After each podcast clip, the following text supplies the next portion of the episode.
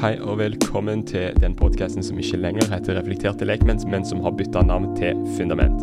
Mitt navn det er Rikard Bahari, og i dag er det stortingsvalg. For å snakke om det og andre spennende tema har jeg med meg Bjarte Ystebø.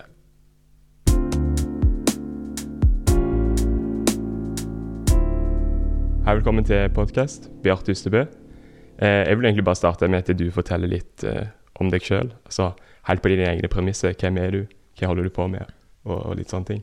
Ja, jeg er en uh, fotballgutt fra Fyllingsdalen i Bergen. Fotballgutt.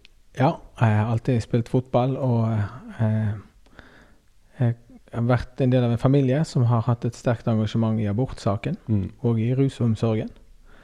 Så de to tingene har fulgt meg hele livet.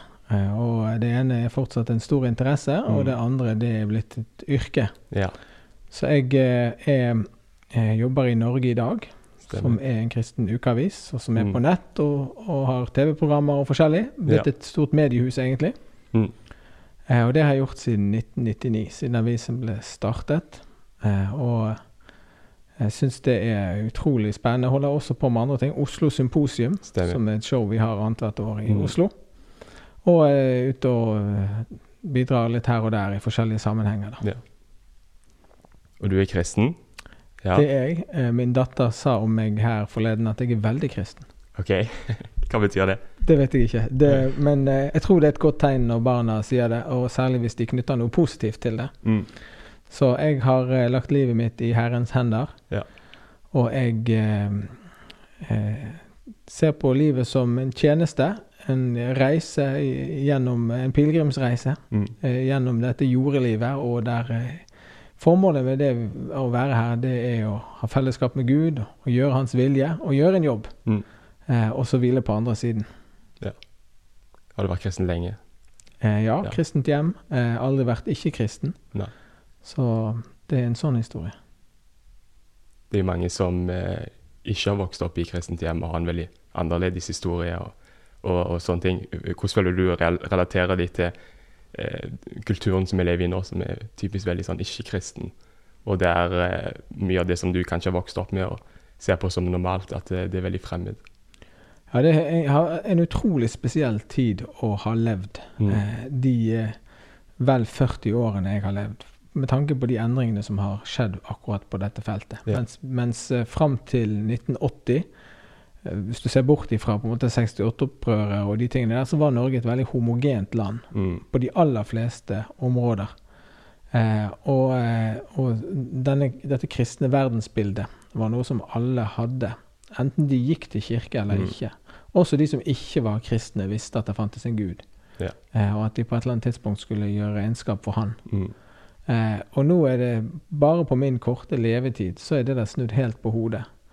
Eh, og eh, det fins mange som vokser opp i dag som ikke har hørt evangeliet i Norge. Mm. Som ikke kjenner en kristen. Som ikke har en venn som eh, går i en menighet, f.eks. Mm. Eh, og det er, det er jo en, Avkristning er jo et, eh, et begrep som eh, brukes mye. Eh, og det er egentlig betegnende for de siste 40 årene i, eh, i det norske samfunnet. At det har blitt avkristnet. Mm. Men så tror jeg på eh, menigheten. Og jeg tror på det som Bibelen kaller for oppstandelseskraften. Ja. Og det går, handler om det at når det ser ut som det er dødt, eh, og når det ser ut som det er håpløst, Mm.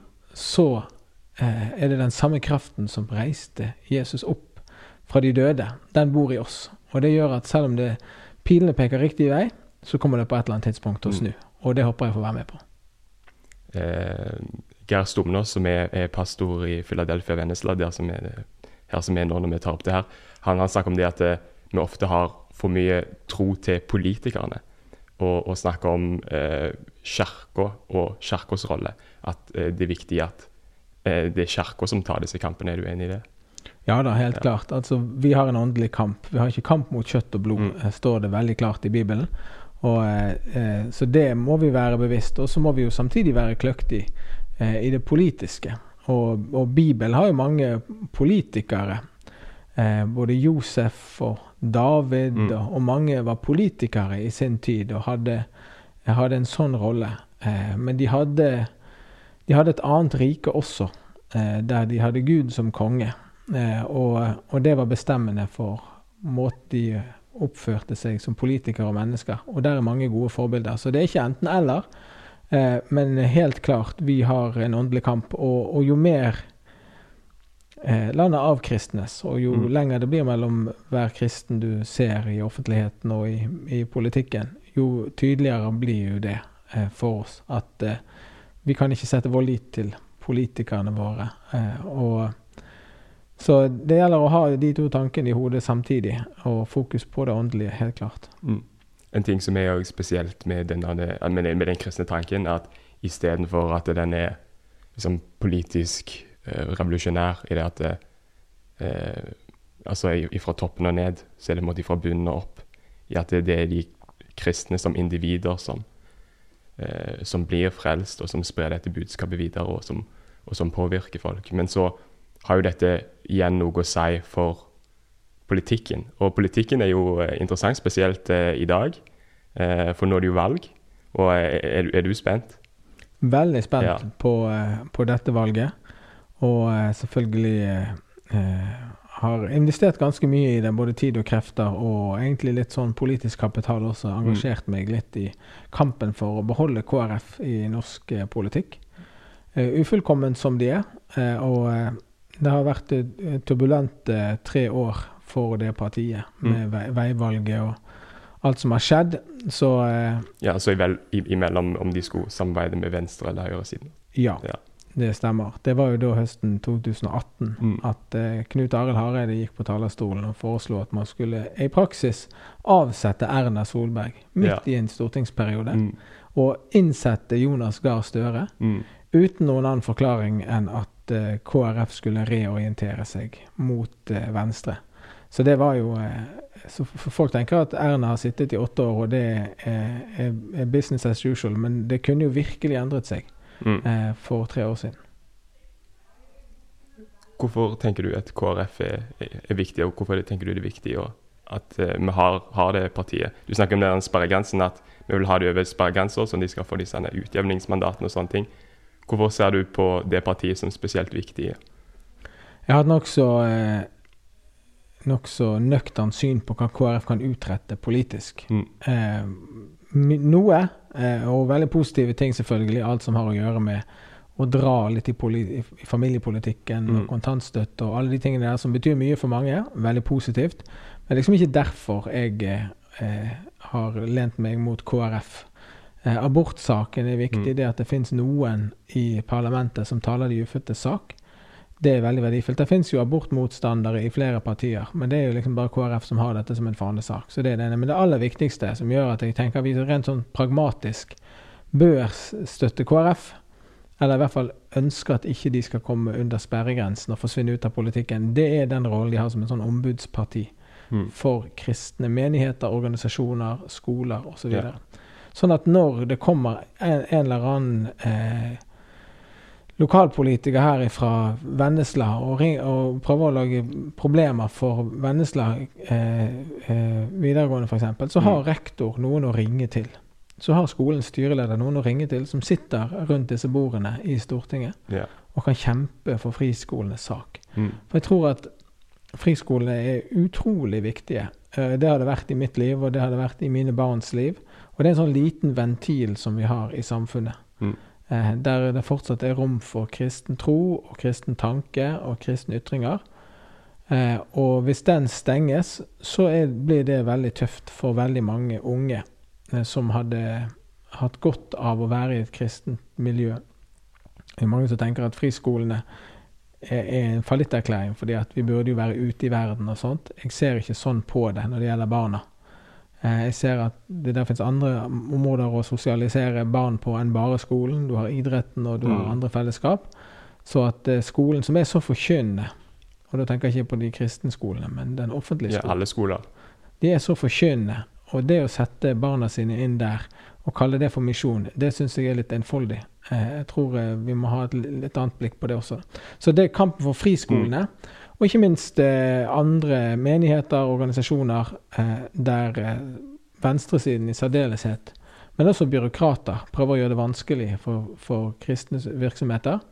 Der er det viktig at, der er, at, at kristne har en ombudsmann, Mm. et ombudsparti. Og der, den rollen er det ingen andre som kan eh, overta for eh, KrF. Hvorfor tror du folk prøver å gjøre det vanskelig for kristne friskoler og for eh, kristne trossamfunn osv. med Altså ta ifra folk statsstøtten og, og, og, og disse tingene her. Og gjerne prøve å hindre at nye kristne skoler blir starta. Hva som, hva er tanken bak, bak det? Det er jo en, en intoleranse som er, som er økende mot kristne. Eh, og, og den gjør seg jo gjeldende i alle samfunnslag og på alle kontorer. Private og offentlige og, og i politikken. Så det er, det er nå det ene.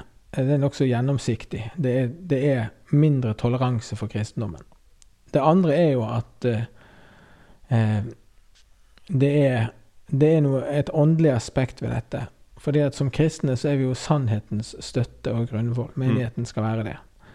Og sannheten er jo, har jo alltid hatt fiender. Og nå ser vi jo det veldig f.eks. på området innenfor pride-ideologien og Mm. pride-teologien. Yeah.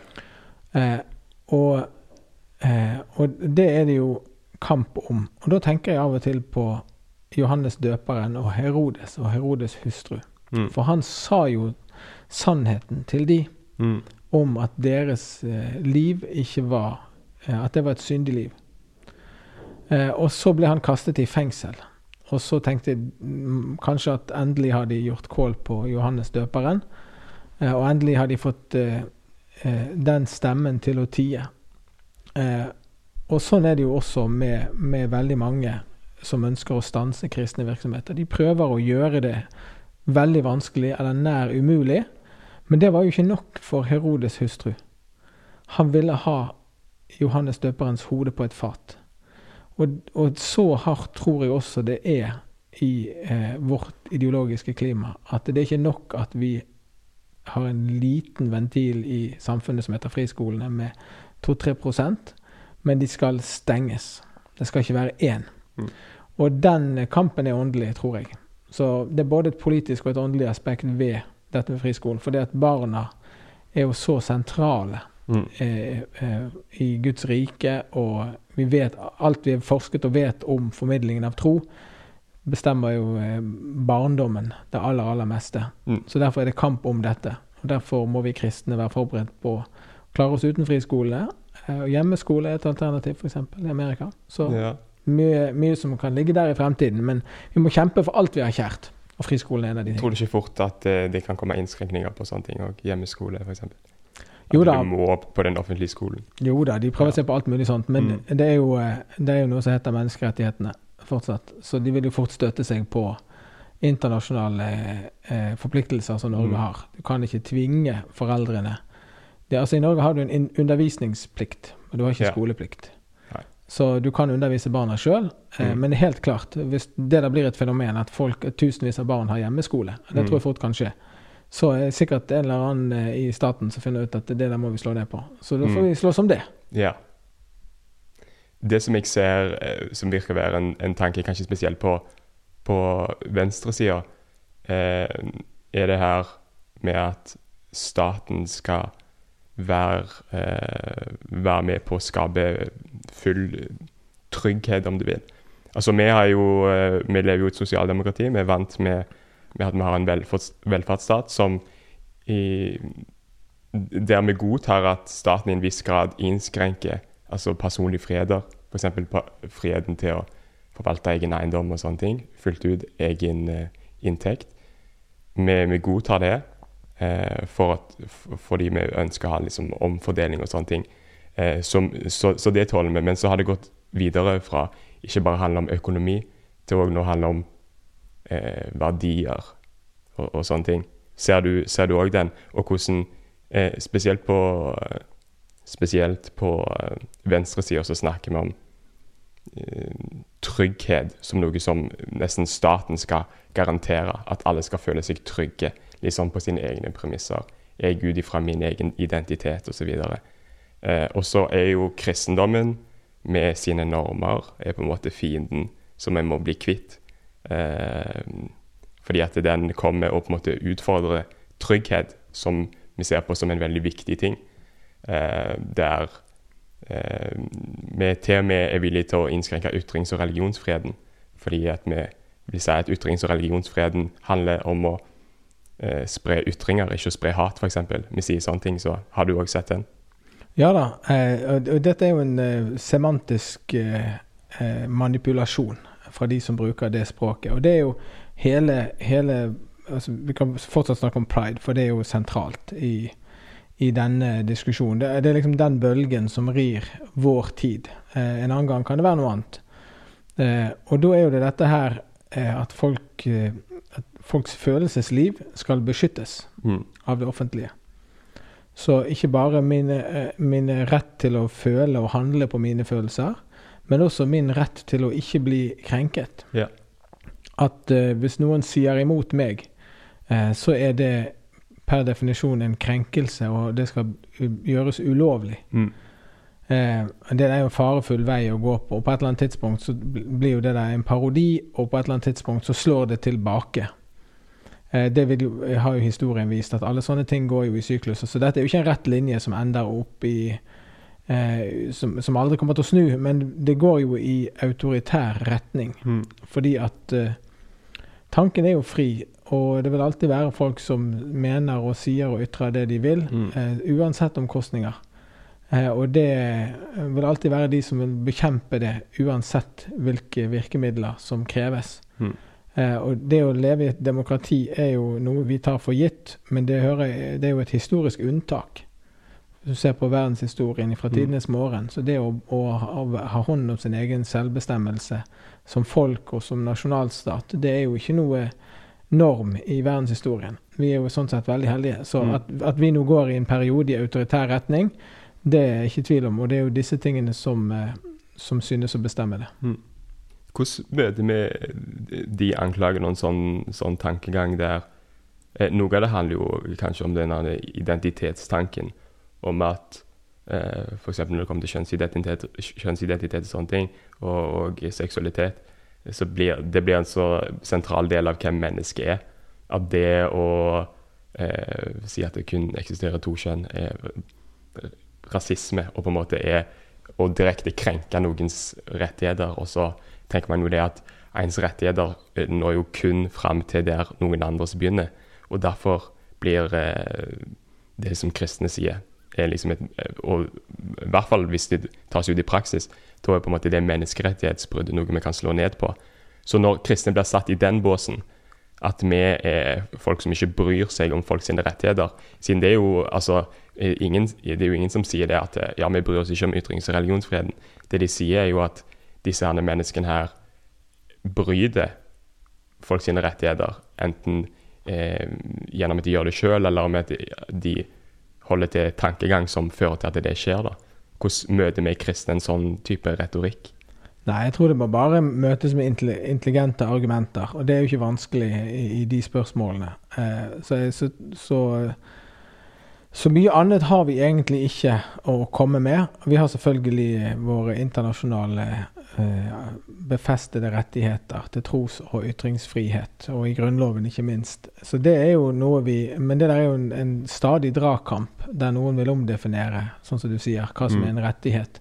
Og retten til å ikke bli støtt eh, er blitt en, en rettighet, eller retten til å ikke bli krenket. Og når krenkingen blir noe så subjektivt som, som det, at f.eks. Mm. at man ikke kan gå i hvilken garderobe man vil, yeah. eller at man eh, ikke eh, kan si noe eh, objektivt om, eh, om kjønn, f.eks., så, mm. så har jo dette gått for langt. Og, jeg, og så tror jeg at mange vil forstå det, eh, hvis man bare sier det høyt og tydelig nok. Mm. Men det er jo også litt av problemet at vi som står for et eh, konservativt syn, for å si det sånn, i mangel på et bedre uttrykk, yeah. vi har jo en tendens til å skygge banen litt, vi også. Sant? Og bli litt forsiktige. Mm. Og så er det de andre som turer frem. Ja. Eh, så det må på en måte, noen må jo reise seg og si eh, Til og med Fremskrittspartiet, som på en måte har vært de mest frittalende og, og har eh, Ja. Har, har kjempet mot veldig mye av den politiske korrektheten. De også er jo litt sånn forsiktige på dette Mm. området. Eh, og det gjør jo bare at det åpner seg et annet politisk rom for noen andre som vil være tydelige. Og det har vi jo sett ved dette valget, at det er en sånn oppblomstring på ytre høyre Mm. Eh, Og jeg bruker ikke ytre høyre som et skjellsord i den sammenheng, men politisk så ligger de til høyre for høyresiden. Ja. Eh, og det har vi bare sett litt av, det kommer vi til å se enda mer av, tror jeg, i årene som kommer. Sånn som vi ser det i resten av Europa. Fordi at det er noe med at noen må jo si at keiseren ikke har klær på seg, Mm. som i eventyret. Eh, og når alle synes å ha godtatt denne sannheten at det fins ikke eh, bare to kjønn, f.eks., eller at Eller denne, denne forståelsen av at man blir krenket av enkle, faktiske uttalelser eller eh, rasjonell tenkning, det er det jo noe som veldig, veldig mange reagerer på. Mm. Og når det der blir tatt til ytterligheter, så tror jeg det kommer en reaksjon. Ja. Eh, og den kommer også politisk. Mm. Eh, over på noe litt annet. Du, du nevnte eh, abort i, i starten. Eh, og at eh, du har vært engasjert eh, i det. Hva har det bestått i? Det var jo et slags høydepunkt i abortkampen på, midt på 80-tallet i Norge. Vi fikk jo eh, lov om selvbestemt abort i 1978. Og i 1986 så var det et sted mellom 10 og 20 000 som demonstrerte i Oslos gater. Mm. I en sånn Ja til livet-parole. Eh, og det ble ledet av min far. Og han som eh, tok initiativ til og ledet den marsjen. Eh, så jeg var i den marsjen allerede som syvåring, eh, og min lillesøster i barnevogn. Så det har vært, eh, det har vært med hele veien. Mm. Og Børre Knutsen og Ludvig Nessa de gikk inn og ut av vårt hjem og, og sov der når de var i Bergen. og sånn. Mm. Så, så vi var helt integrert i den bevegelsen. Mm.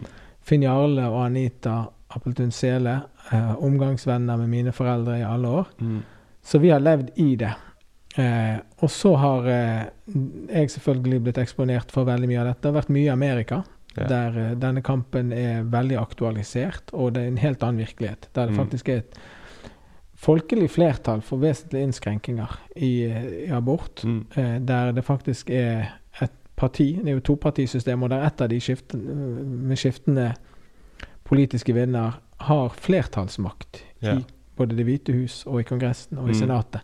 Noe som bl.a. førte til at Donald Trump utnevnte tre konservative høyesterettsdommere. Ja.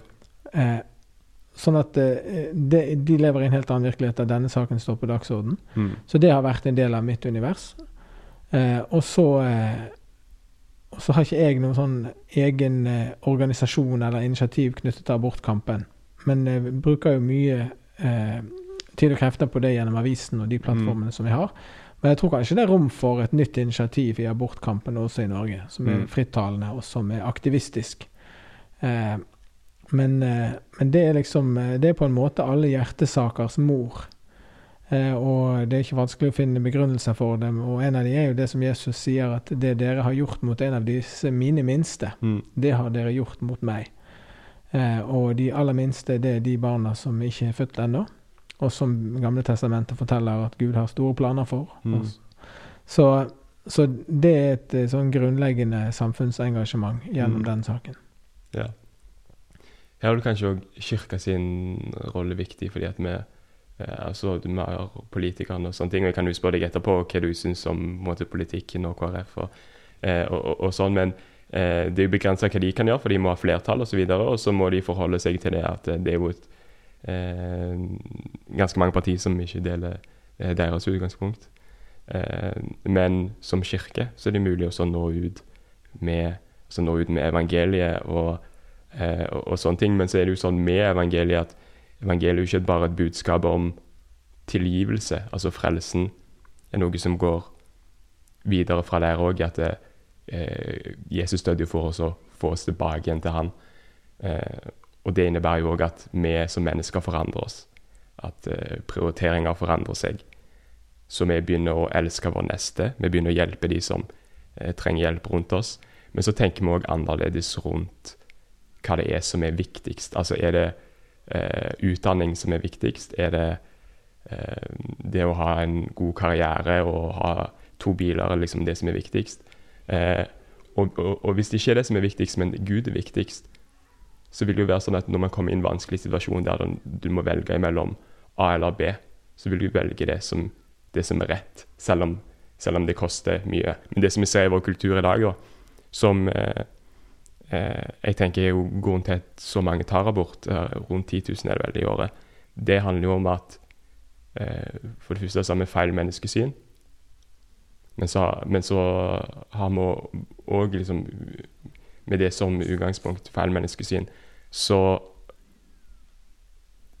tenker vi det at det å på en måte ha to biler, det å ha det komfortabelt og det ikke ofre, det er på en måte viktigere eller mer verdifullt da, enn, å, enn, å det, enn det, å bevare eh, barnet. Men, men, det som jeg ser i det kristne budskapet, er jo et oppgjør eh, mot det. Så hvordan tenker du at menigheten kan være med å, å, å, å nå ut og skape en endring i kulturen? Fordi at det, uh, Abort handler jo ikke bare om hva som står i loven. fordi at det, alt kunne vært lov, men hvis vi mennesker var gode, så hadde vi jo fremdeles ikke gjort, gjort galt. Så uh, mye handler jo om mentaliteten på en måte i befolkningen. Da. Er du med på det? Ja da, helt klart. Altså, menigheten, som sagt, menigheten er sannheten, støtter og grunnmål. Vi må jo være de som sier det som ikke klør i øret mm. i dette spørsmålet. Nemlig at dette, som de en gang kalte for en celleklump, eh, når eh, abort ble innført i Norge, som vi mm. i dag vet er et lite menneske, mm. eh, det har samme verdi som alle andre mm. eh, som er født og har vokst opp. Det må jo være Kirkens budskap i den sammenheng å si at det er synd mm. eh, å ta et liv. Eh, for, for, meg og deg er det opplagt, mm. men, men, ikke for alle. Så det må være viktig. Mm. Og så er det jo sånn at abortkampen Du er inne på noe veldig interessant når du sier det at uh, vi hadde jo ikke gjort det hvis vi hadde hatt et rett menneskesyn, selv om det var tillatt. Mm. Og det er jo kanskje der abortkampen står i dag, fordi at lovene virker å være så uforanderlige inntil de blir forandret. Yeah. Men da handler det om at det er jo faktisk et valg mm. som kvinnen må ta. Mm. Så fremfor at abort skal gjøres ulovlig over natten, eh, det er en lengre kamp. Men for, fremfor det så må det jo være et mål at abort må gjøres utenkelig. Mm. Og at vi må ha en nullvisjon for abort ved at de kvinnene som kommer i den situasjonen, mm. både får hjelp til å bære fram barnet og ha omsorg mm. for det. Få hjelp i sin akutte situasjon, ja. f.eks. mye psykiske problemer mm. og vanskelige livssituasjoner. Eh, og at noen snakker sant til dem mm. om eh, det livet som vokser inni dem. Ja. Det ansvaret de har som mor. Selv om de kan være i en situasjon som de ikke er helt ansvarlig for sjøl, noen andre kan ha satt i en vanskelig situasjon, så er det likevel deres ansvar. Eh, mm. De er betrodd et liv. Ja. Eh, og så der tror jeg menigheten har en stor rolle. Jeg ser på det der som en stor diakonal oppgave mm. for Kirken. Mm. Å være, eh, være, det stedet man kommer til når man er i en sånn situasjon. Og være de som hjelper kvinner og menn, eh, familier som kommer i en sånn situasjon, til å velge det rette. Mm. Uh, og det, det, er lett å si ja til sånn over bordet, men det er jo noe som vil kreve noe av oss. For mm. det handler jo om å være en del av menneskers liv på en veldig nær og krevende måte. Så, men det tror jeg er der abortkampen egentlig står akkurat nå. Ja. Ofte har vi kanskje sånn tanke om kjærlighet, at uh, det er noe som man gjør litt sånn passivt på avstand. Ja, jeg elsker Vi skal elske vår, elsker vår neste. Jeg elsker min bror og min søster og så, og så videre. Vi elsker alle i verden og sånn. Og så er vi ikke villige til å ofre, så det er jo en, en, ting å tenke på. Men du nevnte det her med sannhet, at eh, det er kirka sin oppgave å tale eh, tale sannhet. Og en ting som eh, jeg, brenner jo veld, jeg brenner veldig for, eh, og må det jo liksom poenget bak denne podkasten her, det er jo det at vi i det kristne verdensbildet har et grunnlag, et fundament. Eh, noe vi kan kritisere kulturen ut ifra. Fordi at det er ikke sånn at tanker om rett og galt og moral og menneske og sånne ting, det bare svever i luften av seg sjøl. Eh, nei, det er noe som må bygge på et fundament. Og i Norge i dag så tenker vi det at eh, alle mennesker, uavhengig av hudfarge eller hvor mye de kan gi til samfunnet og sånn. Eh, vi tenker at de har lik verdi. Eh, og det jeg jo at det, det er jo noe som er henta ifra altså den jødisk-kristne forståelsen av mennesket. Det er ikke noe som er selvsagt. Eh, og den samme forståelsen av mennesket, den sier òg noe om Den sier noe òg om eh, barnet før det blir født. Eh, så hvis vi går over, over fra kirka, da, som vi snakker om nå, til, til, til politikken, så har vi jo eh, KrF, som eh, sier at de bygger på denne tanken, eh, og som snakker om i, i, deres, eh, i stortingsprogrammet deres så eh, skriver de det at eh, mennesket er skapt i Guds bilde, og at det har en ukrenkelig verdi helt ifra unnfangelse til naturlig død. og sånne ting. Men så har jeg hørt og, og sett på litt ulike intervjuer som har blitt gjort med bl.a. Ropstad, Melosius og sånne ting rundt det abortspørsmålet. Der de typisk har fått spørsmål om hva mener dere egentlig om selvbestemt abort. Eh, og der har de eh, slitt litt med å svare. Og så gir de eh, deres, den formuleringen som står i, i, i, deres program om at eh, de vil bytte ut abortloven med en lov som i større grad sikrer det ufødte barn sitt rettsvern eller noe sånt, menneskeverd, selvstendig menneskeverd. Eh, uten, vil, uten, at de vil si nøyaktig hvordan det ser ut. Eh, så spørsmålet mitt er egentlig eh, Når KrF har et så tydelig fundament, eh, syns du at de er tydelige nok når de blir spurt av journalister om, om hva, de, hva, de, mener? Det korte svaret er nei. Jeg syns ikke de er tydelige nok. Men jeg syns ikke uten videre de skal godta eh, journalistenes premisser. Mm. Eh, en amerikansk politiker sa en gang til meg 'Never help load a gun that's pointed at your head'. Eh, og når journalisten kommer med et spørsmål, så er det jo fordi mm. han ønsker å fremstille deg i et dårlig lys. Mm. Eh, og si til velgerne se hvilken ytterliggående person dette er. Ikke stem på han. Eh, så jeg ville sagt i den saken Nei, det er ikke tydelig nok, men det finnes gode måter å svare på det på. Ja. Og det er å si at eh, vi som kristne vi er inspirert av Bibelen, mm. og, eh, og, der står det noe om de aller minste. Mm. Og de er sårbare og trenger en forsvarer. Mm. Eh, og det vil vi være. Vi vil stå på de ufødte barnas side. Mm. Eh, og så vet vi at ikke det er eh, Den debatten som, som journalisten spør om, den fins ikke i Norge. Skal vi ha et forbud mot abort? Mm. Men spørsmålet er kan vi redde noen av de ufødte barna. Mm. Og det vil KrF bidra til, så langt det er mulig. Mm. Eh, innenfor dagens lovverk så mm. handler det om å hjelpe de som er i en eh, vanskelig situasjon. Eh, og eh, på lengre sikt så ønsker vi å øke fosterets rettsvern. Mm. og ha en nullvisjon for abort og gjøre at det ikke er et valg noen ønsker å ta. Det syns jeg ville vært en mye mer eh, offensiv måte å svare på, og som mm. hadde resonnert veldig godt hos velgerne, og som mm. også kanskje kunne vekket sympati mm. for KrF sitt syn i den saken. Ikke hos 100 av elektoratet, men kanskje 10 eller 20. Eh, og for et parti som har 4 ja. så er det ganske gode tall. Ja. Det noen er redd for, det er vel kanskje det at partiet skal Hvis de er for tydelige, så mister de velgere og får ingen innflytelse. Så det har du på en måte eh, en, Jeg vet ikke om man kan kalle det fallgrøft, men altså noe som kan skje, da, som, eh, som man frykter. Og, og, så er det den andre at man blir så pragmatisk og flytende at man ikke har noe innflytelse. For det er òg en ting, kanskje, eh, som jeg spesielt har tenkt på, det at når jeg har sett på debattene som eh, KrF har hatt eh, rundt abort, så har jeg gjerne ikke syntes at de har vært så veldig Ikke vært så offensive som de kan være.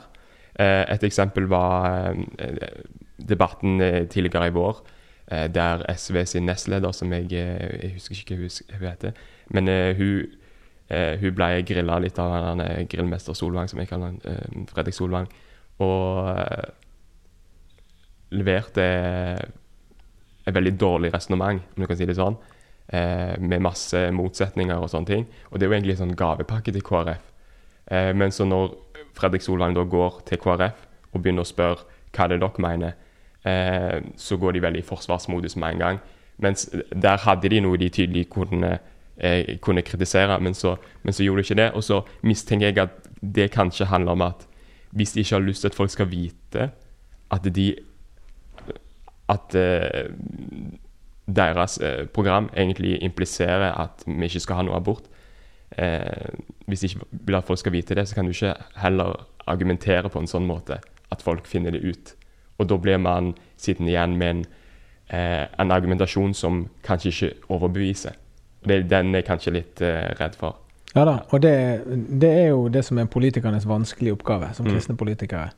Eh, nå har jeg gitt et eksempel på en måte å svare på som jeg mm. tror kunne ha noe for seg. Eh, som kombinerer Eh, realiteten er at vi har ikke en diskusjon om abortforbud, så hvis du er redd for det, så trenger ikke du være redd for å stemme KrF. Mm. Samtidig som man, man uh, tydeliggjør at uh, man ønsker ikke at noen av disse barna som ligger i mammas mage, eh, ikke skal bli båret frem. Eh, og det, det, tror jeg går an å kommunisere på en tydelig måte. Og så, og så er det jo litt sånn det, Dette er jo en syke som rir KrF litt. Grann, og det at man er så livredd for å støte bort noen velgere. Mm. Men man er ikke alltid like oppmerksom på de velgerne som faktisk vil stemme KrF uansett. Fordi at de har dette kristne utgangspunktet. Mm. Eh, nå har det blitt bedre under Ropstad eh, enn det har vært tidligere. Denne ville jakten på velgere som aldri under noen omstendighet ville stemme KrF, den har man lagt litt bort. Mm. Så har man fokusert på at det er noen som virkelig ser verdien av KrF. Mm. Det er de fire prosentene. Og så eh, finnes det mange ting man kan prøve å gjøre for Mm. å nå eh, ut eh, til flere, men samtidig så eh, så må man i hvert fall sørge for å beholde de velgerne som er opptatt av de tingene KrF er, i teltet. Eh, og så eh, kan det komme litt sånn politiske vinder som man kan, eh, som man kan seile med. Mm. Sånn som det gjorde under eh, oppturen på 90-tallet. Når dette med familiepolitikk og kontantstøtte og verdibølge var på moten, så, så ble det en, en god periode for partiet, der oppslutningen vokste. Og Så gikk det over, og så kom det en motreaksjon, og så forsvant KrF ned igjen på et sånt grunnfjell. Mm. Sånn er det. Eh, Sånn har det vært for Senterpartiet òg. SV f.eks. I 2013 holdt de på å havne under sperregrensen. Mm. Nå er de opp over 10 De har en kjernevelgere som er med i motgang og medgang. Mm. Og så kommer det bølger som man kan profitere på. Men man må aldri glemme de folkene som bærer partiet. Mm. Og det må KrF eh, alltid passe på. Og som sagt, jeg syns det har blitt bedre nå under Ropstad. Men, men det er veldig viktig at det er et grunnleggende premiss, sånn at ikke man ofrer de velgerne i jakten på de velgerne som du nå beskriver, som Mm. er liksom der ute, som kanskje på en god dag kunne finne på å stemme KrF. Ja. Det er ikke de man må bygge på. De, de må man være villig til å ofre for å beholde de som virkelig skal stemme KrF. Mm. Så skal man håpe på at man kan appellere til de eh, fra tid til annen. Og KrF er det svakeste partiet når det gjelder dette her å forsvare sine egne politiske dogmer. Hvis Mm. du sammenligner dem med Senterpartiet, Ja. og med SV, Mm. og med Rødt, og med MDG, som også er nisjepartier. ja. De vil aldri forlate det de tror på. Eh, og det vet velgerne, Mm. men, men de eh, Og, og det, sånn bør det være med KrF også. Og så eh, kommer det eh, litt sånne svingninger som man kan av og til tjene på. Eh, folk snakker jo om det at eh, KrF for å overleve at de må fornye seg. Og da eh, ignorerer man kanskje den tanken at eh, KrF eksisterer, av en grunn, at de har en politikk, og det er derfor de er der. Hvis alle bare skal fornye seg hele tiden, så eh, Selv om jeg altså, Nå tar jeg kanskje litt i verste mening, da. Men eh, hvis alle skal bare fornye seg hele tiden, så vil vi bare ha en suppe der alle mener akkurat det samme. Ja, da, altså, eh, jeg er for at KrF fornyer seg, Ja. men ikke fornyer sine grunnleggende verdier. Nei, De og må- det er jo kanskje det de mener, da. Ja, og det, det syns jeg er veldig ugreit. Men, Mm. men kontantstøtten var jo en sånn fornyelse. Ja. Det var noe som svarte på et behov i befolkningen. Mm. Eh, og eh, vi går i en eldrebølge i møte, f.eks., Mm. eh, som noen må ha gode svar på. Det kan også være en måte å fornye seg på. Mm. Og finne moderne politiske løsninger som svarer på vanlige folks eh, utfordringer i dag. Det er jo det som gjør at partiene på venstresiden har vokst ved dette valget, f.eks. Mm. De adresserer ting som folk er opptatt av. Ja. Uten å gi avkall på sine politiske dogmer som de har fra før. Mm. Eh, og, eh, så det er nok fornyelsen til KrF. Mm. Og så har Litt av KrF sitt problem har kanskje også vært at man ønsker å være alles venn. Mm. Sånn at man er for alt mulig, Ja. eh, og alle gode formål og, og sånn. Eh, sånn at man må kanskje av og til ta noen litt sånn upopulære valg også. Mm. Eh, I spørsmål om alt fra samferdsel til eldreomsorg til eh, sosialstøtte og alt sånt som koster masse penger. Mm. Og så må man bestemme seg for hva man vil prioritere, og så må man bli best på det. Mm. Og ikke være nest best og tredje best på Mm. alt. Eh, så det kan jo også være en del av fornyelsen. Yeah. Svenskene gjorde jo det. Har jo gjort kjempesuksess med streng innvandring og eldreomsorg. Og så har det slått litt tilbake. sant? Men det er også et godt eksempel på at det fins tidspunkt der man kan svare på utfordringer som folk opplever i samfunnet. Eh, og da er ikke det noe eh, Da er ikke det noe minus at man er et kristent parti.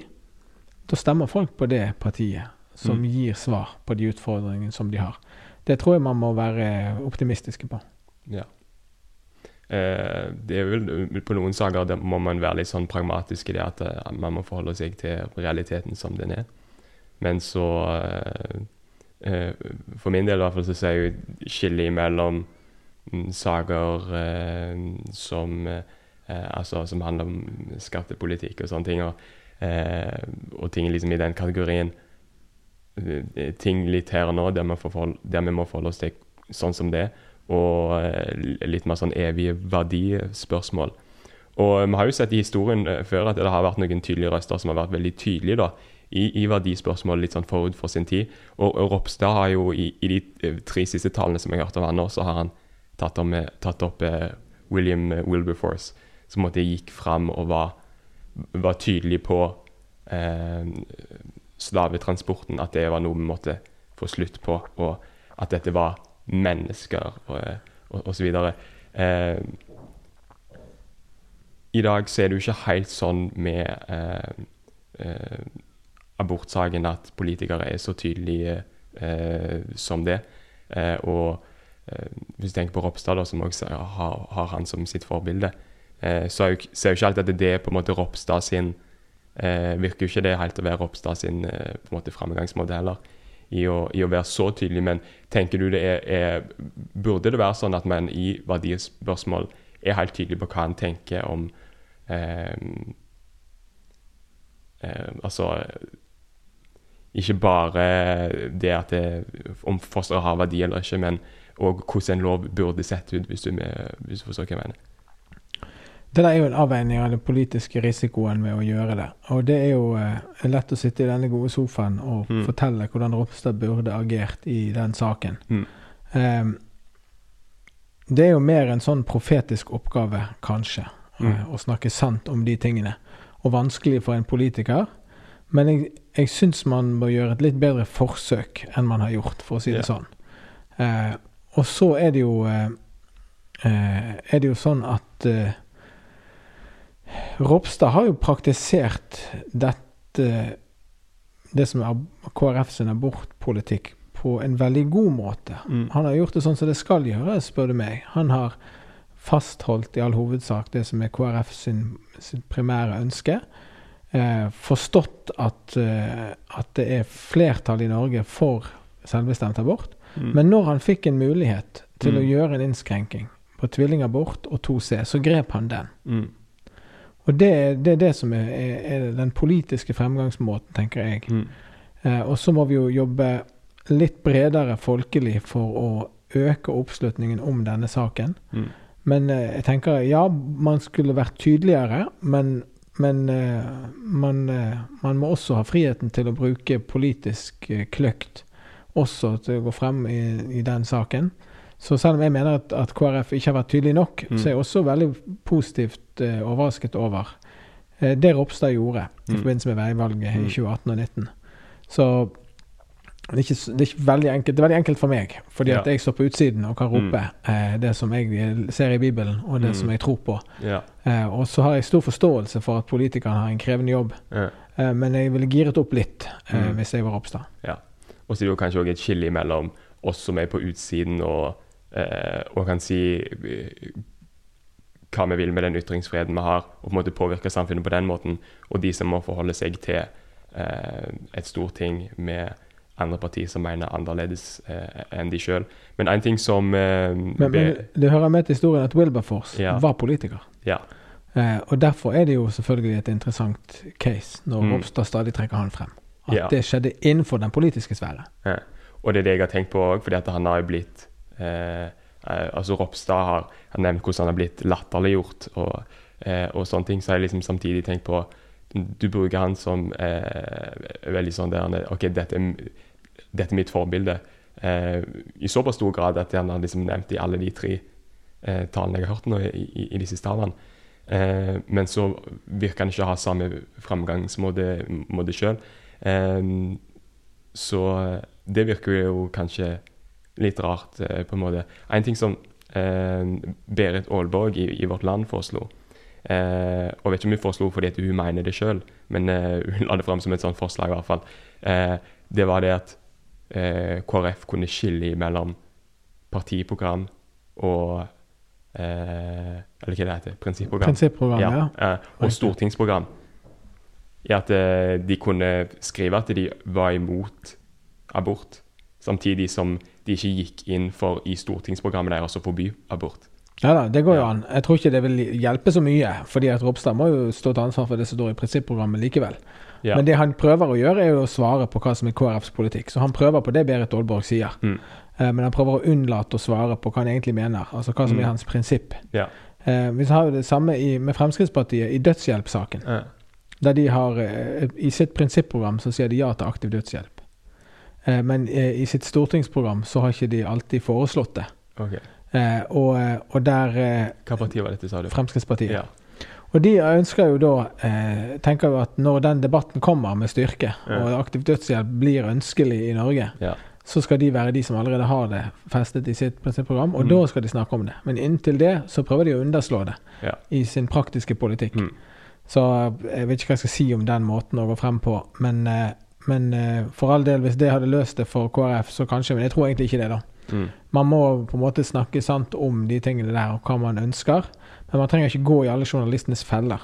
Eh, og det er det de er ikke så flinke til, eh, politikere flest, eh, egentlig, da. Mm. De, eh, jeg er jo journalist sjøl, så jeg forstår jo veldig godt at man ønsker å spisse ting Ja. og, og få klare svar. Mm. Eh, og så er jo det der sånne katt og mus-lek ofte der politikerne ikke ønsker å gi klare svar.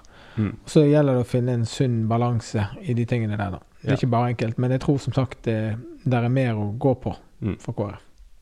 En ting der eh, hadde jo vært at hvis det, de hadde et prinsipprogram hvor det tydelig sto, så var det kanskje kanskje vært enklere å være litt mer fremodig med tanke på det å bruke argumenter som faktisk gikk ut på det at mennesker har verdi, eh, uten å være redd for at det kanskje impliserte at vi var imot abort, og at folk fant ut av det. Mm. Så kanskje, at kanskje det var, var en ting. Ja da, Ja. det kan godt være Mm. noe i det. Jeg ser ikke bort fra det.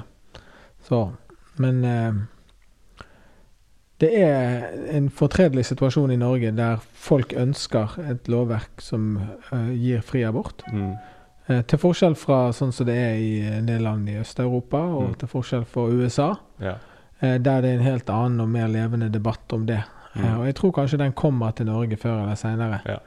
Eh, men inntil det så handler det veldig mye om å få mennesker som er i en situasjon der de vurderer abort, til å Mm. velge å beholde barnet. Mm.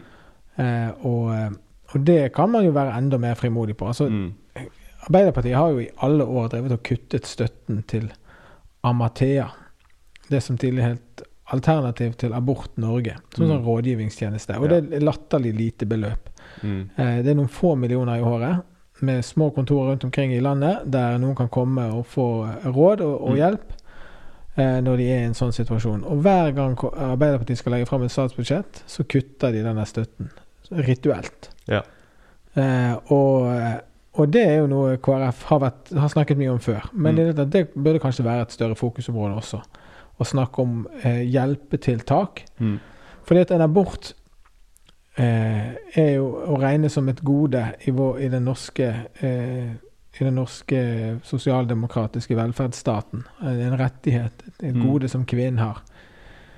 Men det sitter ganske mange kvinner rundt omkring på norske eh, sykehus Mm. og har store psykiske problemer. Og de kan spore den historien tilbake til et øyeblikk der de tok abort. Ja. Kanskje under press, kanskje av egen fri vilje. Men uansett, det ble ikke det de drømte om. Mm. Det ble et traume. Det ble en, eh, en, noe som en dårlig samvittighet som har plaget og ridd de. Jeg har sett eh, og hørt folk fortelle om disse historiene. Eh, og, og det kan ødelegge et liv. Mm. Eh, og, og det er en del av virkeligheten som burde komme mer frem også. Mm. Eh, fordi at eh, en del av tabu, Det er mange tabuer rundt abort. Du skal f.eks. ikke vise bilde av et foster Ja. eh, i uke 22 eller uke Mm. 18 eller 15 eller 12. Det regnes som å være på en måte et, eh, et overtramp i norsk presse. Mm. Eh, du skal ikke vise Skal i hvert fall ikke vise en abort. Ja. Enda det er, et, er jo et enkelt medisinsk inngrep, sier de. de. I gamle dager sendte de direkte på eh, NRK fra hjerte... Eller ikke direkte, men de sendte dokumentarer om Ja. hjerteoperasjoner og alle slags inngrep. Men du kan ikke vise en abort. Nei. Du kan ikke vise et abortert foster. Nei. Og du har ikke lov å snakke heller om de traumene en abort kan være for Ja. kvinnen. Og da bedrar vi veldig mange kvinner. Mm. Fordi at de eh, Jeg antyder ikke på noen måte at kvinner tar lett på det å ta en abort. Mm. Men, de, men jeg tror vi underkommuniserer en veldig stor del av sannheten som er knyttet til en abort. Nemlig at det kan plage deg hele ditt liv. Mm. Og ikke fordi at noen plager deg. Ja. Ikke fordi at det er noen andre som fordømmer deg. Ja. Eh, Men rett og slett fordi at det er naturstridig Mm. å ta et liv. Eh, og, og det gjør deg ikke godt. Eh, Mm. Og for noen så kan det være helt, helt ødeleggende. Og Mm. den sannheten burde komme frem. Noen av de som eh, kanskje ikke syns at eh, KrF er tydelig nok i deres spørsmålet, de går over til andre mindre parti, f.eks. Partiet De kristne. Eh, hva tenker du om folk som stemmer på småparti små parti, altså sånn som Partiet De kristne f.eks.? Er det å kaste bort stemmen sin, som noen vil si? Nei, jeg liker jo ikke det uttrykket. Eh, jeg forstår veldig godt hvorfor det oppstår, for det handler jo om at ja, hvis man ikke kommer på Stortinget, så Mm. blir den stemmen eh, Vil ikke den få noe vekt i styringen av landet. Eh, for det første er ikke det alltid sant. Disse partiene som er på utsiden, de har en virkning Mm. på de partiene som er på innsiden. De har en De utøver et politisk press. Og det der er et politisk rom som da de partiene som de utfordrer, må forsøke å fylle. Mm. I PDKs tilfelle så er det jo da KrF som hele tiden må forholde seg til at det finnes en størrelse der ute. Det er Mm. positivt. Så det er det ene. Den eh, stemmen er ikke bortkastet av den grunn. Mm. Det andre grunnen er jo at eh, det, er, det å stemme det kan også være et samvittighetsspørsmål. Ja. Og man kan stemme i tråd med sin samvittighet. For eksempel Mm. så syns jo vi det er veldig respektabelt å stemme blankt. Ja. Eh, og da har du i hvert fall ikke noe du skulle sagt. Eh, Eh, men det er faktisk en måte å ytre seg på Ja. i demokratiet. Eh, og så er det jo da òg sånn at eh, eh, alle små partier begynte et sted. Ja. KrF var ikke så store eh, når de startet i 1933. Eh, 1,3% eller hva det var. mm. Eh, MDG eh, Ja. var en gang et lite parti. Rødt eh, det samme. Mm. Så, så det, man skal ikke forakte den ringe begynnelse. Mm. Eh, så, men jeg har jo gitt det motsatte rådet for de som veier mellom KrF og PDK ved dette valget, og det har begrunnet det. Men det er ikke ut ifra en, eh, en slags forakt mot PDK eller de som stemmer på de. Det handler rett og slett om en politisk eh, vurdering av at vi må passe på at ikke KrF går under sperregrensen. Mm. Men jeg, har- jeg syns godt om de som er i PDK, og han som startet det partiet, var en venn av meg, og jeg Mm. var veldig tett på han i den tiden. Jeg husker akkurat hvordan det der gikk til, at det Mm. partiet ble til. Eh, og det finnes andre alternative partier som har andre nisjer, så det syns jeg er veldig respektabelt å tilhøre demokratiet. Ja. Og så gjelder det også å ha to tanker i hodet. Og når vi var i den situasjonen som vi var nå, med KrF, som kjempet mot sperregrensen, Mm. så uh, sa jeg da til de som veier mellom disse to partiene, Ja. at du bestemmer KrF. Og så vet jeg at av de som stemmer PDK, så er det langt ifra alle som har KrF som alternativ to. Ja. For mange vil det være Demokratene Ja. eller Fremskrittspartiet, Eh.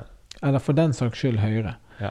Eh, så, så jeg tror ikke Jeg tror f.eks. ikke at man i KrF skal anse de 10 000 stemmene, f.eks., hvis det skulle være det, eller det doble, Mm. som sine tapte stemmer. Det kan like gjerne være stemmer som tilhører et annet parti. Mm. Men noen er det. Ja. Vi må nok snakke om mot en avslutning her, men eh, eh, det er jo stortingsvalget nå, og det ser mørkt ut for eh, borgerlig side. Eh, for kristne Ser du litt på altså, Dette høres kanskje litt ut som en sånn karikatur, men ser du på eh, borgerlig side som på en måte litt den kristne sida? At det noen ganger fremstilles litt sånn. Oslo Symposium, for eksempel, er jo De fleste der er jo eh, fra høyresiden, de som taler. Ja. eh, Nei, jeg vil ikke bruke det uttrykket, men jeg ser på høyresiden som mer tolerant. Mm. Vi er ikke lenger i en situasjon der det er kristne som legger premissene for landets ledelse. Mm. Så vi er en minoritet. Eh, Og rent politisk så betyr det at vi må støtte oss på de som har forståelse for Mm. kristendommen og for kristne friheter, og som er konservative, som ikke ønsker at alt skal forandres over natten. Ja. Og derfor så graviterer jeg mot høyresiden og mener at det er det best, de, de som vi er best alliert med politisk. Mm. Eh, men eh, men eh, f.eks. innenfor området pride så er det jo folk i partiet Høyre Mm. som er minst like ivrige som i Arbeiderpartiet. Ja. Eh, men jeg tror eh, eh, at eh, generelt så står friheten sterkere Mm. for, eh, på høyresiden. Og i vår generasjon så er det det som blir kampen. Mm. Det er kampen for våre friheter. Friheten til å tro og tale og, og mene og ytre. Til å drive virksomheter og skoler og whatever. Så det er, Og der har vi støtte på høyresiden. Eh, så spesielt kristne er de kanskje ikke, men Mm. de er nok eh, de, de tror på friheten, og det er en kristen verdi. ja. Eh, Og det er en verdi vi kommer til å få veldig bruk for i årene som kommer. Mm. Men det blir jo kritisert, jeg leser i Vårt Land, og blir kritisert fordi at høyresida på en måte blir liksom Gjerne hos, hos dere, jeg tenker på Oslo Symposium, blir eh, fremstilt som på en måte eh, den kristne sida. Og hvorfor inviterer dere ikke Jonas Gahr Støre osv.? Litt sånne spørsmål. Så hva tenker dere om det? Dere har jo hatt mye med Kristiansson. Han er litt sånn spesiell skikkelse, eh, føler jeg. Ja sånn hvordan han er, og at han klarer å forholde seg til folk som tenker veldig annerledes enn han. og sånn, Men allikevel så er det jo tydelig da at, det, at det, det, dere gjør et litt sånn skille der. Med Ja kan hvem dere inviterer osv.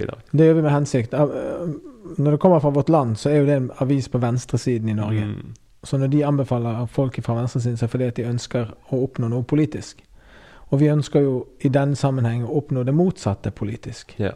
Så det er jo derfor vi lener oss til høyresiden. ja, for dere Eh, er tydelige på det. Ja, vi legger ikke skjul på det. Eh, og vi har jo lyktes med det. Altså, vi har jo vært med å skape forståelsen av at KrF hører til på høyresiden. Mm. Og Helge Simone skriver jo i sin bok i forbindelse med veivalget til KrF at hvis ikke det var for Oslo Symposium, så er ikke det sikkert at Erna Solberg hadde vært statsminister. Aha. Jeg vet ikke om det stemmer, men hvis Ja. det stemmer, så er jo det noe, Mm. eh, syns jeg. Så, men vi eh, eh, Men hvis Oslo Symposium var noe annet, hvis det var et, eh, et debattforum, Ja. eh, sånn som protestfestivalen i Kristiansand, ja. eller, eh, eller diverse sommerstevner som Mm. har debatter, så kunne vi gjort det. Mm. Eh, og kanskje gjør vi det en gang som en del av Oslo Symposium. Men Oslo Symposium er jo et målrettet tiltak Mm. fordi vi ønsker å oppnå politiske resultater. Eh, og, eh, og Støre kunne vært en interessant taler. Vi har Mm. faktisk vært i dialog med han tidligere. Ja. Så jeg vil ikke avslå det. Mm. Men, men vi har ønsket å holde venstresiden fra makten. Ja. Eh, og det har vært begrunnelsen for at vi har gjort de valgene vi har gjort. Mm. Eh, Det er jo noen som er litt kritiske til at eh, Altså er kritiske på andre sine vegne, alltid på å si, med tanke på så eh, det stiller opp på en sånn type konferanse.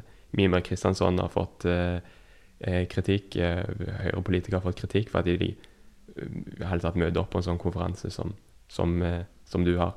Tror Ja du kanskje det eh, viser litt sånn eh, hva tid vi lever i? Ja da, det er jo litt sånn typisk norsk eh, smålige. Men heldigvis er det jo sånn at de fleste politikere eh, tenker at de skal gå der de blir invitert. Mm. Så lenge de får si det de vil. Ja. Kristin Clemet sier jo det når hun kommer til Oslo Symposium, at hun syns det er et av de kjekkeste stedene å være, for der eh, får man ikke beskjed på forhånd hva man skal snakke om. Ja. Hun kan få snakke om det hun vil. Er det ingen som får det, forresten? Vi hender at vi legger inn et ønske, men, Ja. eh, men vi har aldri noe sånn streng føring på det. Og Mm. Eh, når eh, man gir mikrofonen til noen på en sånn, så gir man jo de samtidig tillit Ja. eh, til at de forvalter den plattformen på en god måte. Mm. Og det er det nesten ikke eksempler på at ikke det har skjedd. Ja.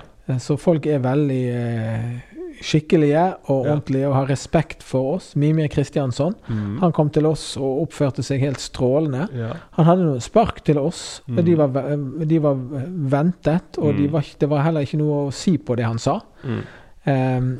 Eh, Erik Solheim det samme. Eh, mange år i SV, leder og statsråd.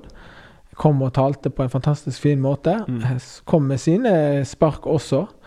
Eh, men det skjer, skjer i en god tone og sånt, så det er bare fint. Det, er- det er noen av de lykkeligste øyeblikkene jeg har hatt på Oslo Symposium. ja. Når det kommer folk fra den andre siden Eh, som både sier 'jeg skulle ønske dere gjorde annerledes', men jeg syns dere er inne på noe viktig og noe fint her. Eh, og så eh, Da syns jeg at vi har det fint i Norge. Denne runden hadde dere jo Einar Gelius. Han hadde kanskje ikke fått applaus for alt, alle ting som han mener og sagt i andre Nei, og han er et eksempel på at vi spurte han om å tale om et spesifikt tema Ja. som han hadde markert seg på, så det er riktig. Ja. Eh, og, eh, og han var veldig glad for innbydelsen. Mm. Eh, så det ble også en lykkelig affære, og den eh, er jo av de mest streamede talene på YouTube. Mm. Eh, den talen til Einar Gelius. Ja. Så, så det er jo noe, selvfølgelig. At eh, Og i Mimir Kristiansens tilfelle så hadde han jo sagt en del ting om kristne verdier som var utgangspunktet for at han ble invitert, Ja. og det var jo en del av invitasjonen. Mm. Så, så sånn sett så, så hadde vi jo kanskje en bestilling der også. Mm. uh, og det samme med Erik Solheim. Så prøver å lage et godt program som, uh, som inneholder også noen overraskelser. Mm. Ja. Uh, det er mange andre ting vi kunne snakke om, men denne episoden har vært en stund allerede. Men jeg kan jo spørre, siden vi snakker om Oslo Symposium og sånne ting, som liksom siste spørsmål eh, Ser du på det som viktig, eller hvordan ser du på eh, Hvordan skal jeg stille det spørsmålet bra? Jo, ser du på det som viktig at eh, vi, vi samles i sammen, altså folk som er uenige og sånne ting. Så da er Oslo Symposium som én ting. Men òg eh, Du har jo vært på Dagsnytt 18 og, eh, og sånn. Eh, kanskje jeg heller skal si det sånn. Hvordan skal vi kristne gå fram i møte med folk som tenker annerledes, og i et samfunn der det er så mange ulike tanker om hva som, hva som er rett? Jeg tenker vi må eh, gjøre det som vi forventer av andre, og stille opp når vi Mm. blir spurt. Eh, det gjør jeg uten unntak. Eh, og eh, jeg syns vi skal være frimodige på Mm. det vi eh, tror på og det vi står for. Det er mye som skulle vært annerledes i Norge, og jeg syns vi er veldig konforme og vi er ensrettet og sånn, men det finnes også veldig mange fine demokratiske plattformer, og noen av disse debattprogrammene er jo det. Så der må vi bare være offensive, syns jeg. da. Mm. Og. Dagsnytt 18 er jo et program som tar inn veldig ofte kristne perspektiver. Mm. På 90-tallet, eh, lenge siden, da var det jo en bølge på TV 2 Mm. med programmene Lønning direkte, Lønning og Staff, Mm. Holmgang, eh, der det var gamle bedehusgutter, Mm. eh, Per Ståle Lønning og Nils Gunnar Lie, eh, som hadde de i mange år. Mm. Etter hvert kom også andre til. Og de hadde veldig mange sånne kristne spørsmål oppe. Eh, og nå er det kanskje ikke så veldig mange, men samtidig absolutt ikke stengt for det. Så der må vi være. Og der legger jeg vekt på å være de gangene jeg blir spurt. Mm. Så det syns jeg bare er veldig flott. Og en fin måte å vise frem også troen vår på. Ja. Eh, for det at hvis vi legger skjul på alt vi står for, Mm. så må jo folk der ute begynne å lure på tror de virkelig på Ja. dette, denne Bibelen. Tror Ja. de virkelig på Gud? Når de er så unnfallende at Mm. ikke de vil stå for det de eh, står for. Så for meg er jo det en del av frimodigheten. Det står at, eh, at vi skal ikke skamme oss over evangeliet. Mm. Eh, og evangeliet det er faktisk hele Bibelen. Det er fra perm til perm. Eh, så eh, det å stille opp og snakke sant om alt det vi har snakket om i dag, og andre ting, det syns jeg er et stort privilegium, og jeg syns eh, mange flere skulle benytte seg av det. I sånn bredt samfunnsperspektiv også, så er det jo en viktig ting det at de ulike stemmene i samfunnet at de samles sammen, og at vi faktisk diskuterer. og Resultatet blir jo kanskje sånn som det blir, det blir mer og mer av nå, ettersom ulike stemmer blir eh, pressa ut i kantene, at vi ender opp med eh, at det blir mer polarisert, og at mer ytterliggående stemmer er liksom de som eh, de som tar til orde. Eh, og gjerne òg det at folk liksom presses inn i sine egne ekkokammer, og ting bare blir mer polarisert og mer ekstremt. Men det er jo nesten et eh, litt annet tema, kanskje til en annen gang. Ja, Men det hører helt klart inn i, i tematikken. Vi må være på den markedsplassen og Mm. bidra så godt som vi kan. Men eh, Bjarte Ystebø, takk for samtalen. Sjøl takk.